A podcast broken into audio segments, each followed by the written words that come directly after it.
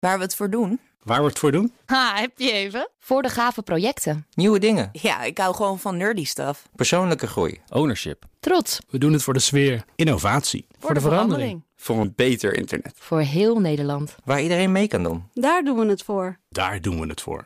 Waar doe jij het voor?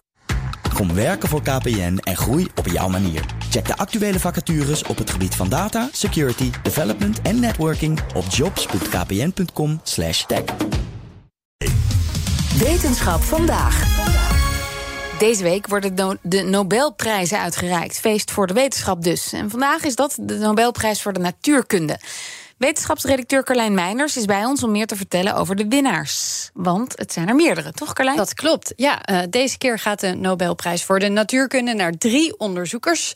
Laten we even luisteren naar een samenvatting van de bekendmaking eerder vandaag. The Royal Swedish Academy of Sciences has this morning decided to award the 2022 Nobel Prize in Physics in equal share to Alain Aspect, John F. Clauser, and to Anton Seilinger. They received the prize for experiments with entangled photons, establishing the violation of Bell inequalities and pioneering quantum information science. Ja, deze drie onderzoekers ja. uit Frankrijk, de VS en Oostenrijk krijgen de prijs dus voor hun werk in het veld van de kwantummechanica. Nou ja, en dat is een heel ingewikkelde tak van sport. Maar wat waren hun bijdragen dan precies? Ja, het wordt ingewikkeld hoor. Uh, als niet-natuurkundige in een paar minuutjes, maar ik ga mijn best doen. Uh, ze hebben dus alle bijgedragen aan het, ja, het testen en vormen van theorieën over de verstrengeling van deeltjes. Kwantummechanica stelt dat de eigenschappen van één deeltje bepaald kunnen worden door naar een tweede deeltje te kijken, waarmee het verstrengeld is. Ook al zit daar een enorme afstand tussen. Ietsje makkelijker misschien, stel je een zwarte en witte bal voor als twee verstrengelde deeltjes. Zie je de witte bal, dan weet je het verstrengelde deeltje, hoe ver ook, die tweede bal is zwart. Oké. Volgens natuurkundige Schrödinger en Bohr was het alleen zo dat je de kleur pas wist als je naar de bal keek. Voordat je naar de bal kijkt, heeft hij eigenlijk nog geen kleur. Die krijgt hij pas op het moment dat je er naar kijkt. Dat je het meet, zeg Kijk, maar. Heel filosofisch ook. Ja, en tegelijk krijgt ook die andere bal zijn kleur. Maar welke zwart wordt en welke wit, dat kun je niet van tevoren voorspellen, was de theorie.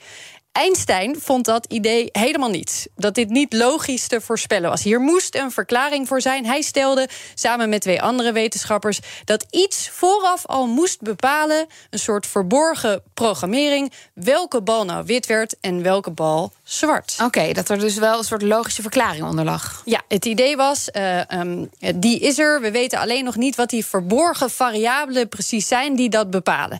Maar toen kwam in 1964 de Ierse natuurkundige John Bell. Je hoorde hem ook al even voorbij komen in de bekendmaking van de mm -hmm. prijs. Hij stelde een experiment voor waarmee die verborgen informatie, die dus zou bepalen of die bal zwart of wit wordt, bewezen of verworpen kon worden. Kan kwantummechanica, de theorie, worden vervangen door, door een theorie met die verborgen variabelen? Dat was de vraag. En dan komen we bij de eerste winnaar, ja? bij Clauser. Een van de Nobelprijswinnaars van vandaag. Dus hij zorgde ervoor dat dit experiment ook echt kon worden uitgevoerd in een lab. En daar kwam, kwam uit: nee, die theorie blijft niet staan. Of het ene deeltje, de ene bal, zwart of wit wordt, heeft niet iets te maken met verborgen variabelen die dit aansturen. Oké, okay, dus een soort negatief antwoord. Toch geen logische verklaring. Nee, er is dus echt een, een soort spookachtige, zo wordt het vaak genoemd, interactie tussen die verstrengelde deeltjes. De tweede Nobelprijswinnaar, Aspect, die werkte dit nog verder uit in vervolgexperimenten. En Zeilinger, de derde winnaar, ging weer op een andere manier aan de slag met die verstrengelde deeltjes. Hij was de eerste die kwantumteleportatie aantoonde. Oké. Okay. Uh, gaan we ook, kunnen we niet heel diep induiken, maar een methode voor het verzenden en ontvangen van kwantuminformatie, waarbij een kwantumtoestand van één deeltje naar een andere gestuurd kan worden over lange afstanden. En dat allemaal is de basis voor niet alleen het beter begrijpen van kwantummechanica, maar ook de toepassingen waar nu aan wordt gewerkt. Supergoede versleuteling van verstuurde informatie, de indrukwekkende rekenkracht van kwantumcomputers. Aan de basis van dat alles lag onder andere het werk van deze drie En uh, nou ja, nooit een winnaar zonder kritiek. Uh, hoe wordt er gereageerd op de keuze voor deze winnaars, dit drietal? Ja, er zijn uh, mensen die zeggen... nou, eigenlijk had Bel dan deze prijs moeten winnen... maar die leeft al een tijdje niet meer... en de prijs gaat wel altijd naar iemand die nog leeft. een Delftse onderzoeker, Ronald Hansen, wordt ook veel genoemd. Hij borduurde weer voort op het werk van deze drie winnaars. Zijn werk is ook enorm belangrijk geweest. En er zijn mensen die zeggen... Weer mannen, altijd mannen bij de prijs voor de natuurkunde. Mm. Ik geloof dat maar vier vrouwen hem hebben gewonnen in 120 jaar. dat is wel heel weinig. Is ja. heel weinig. Dat is uh, onderdeel van een breder debat over de diversiteit onder deze prijzen. Die al, dat speelt eigenlijk al langer ook. Het nut van de prijzen wordt weer uitgebreid besproken online.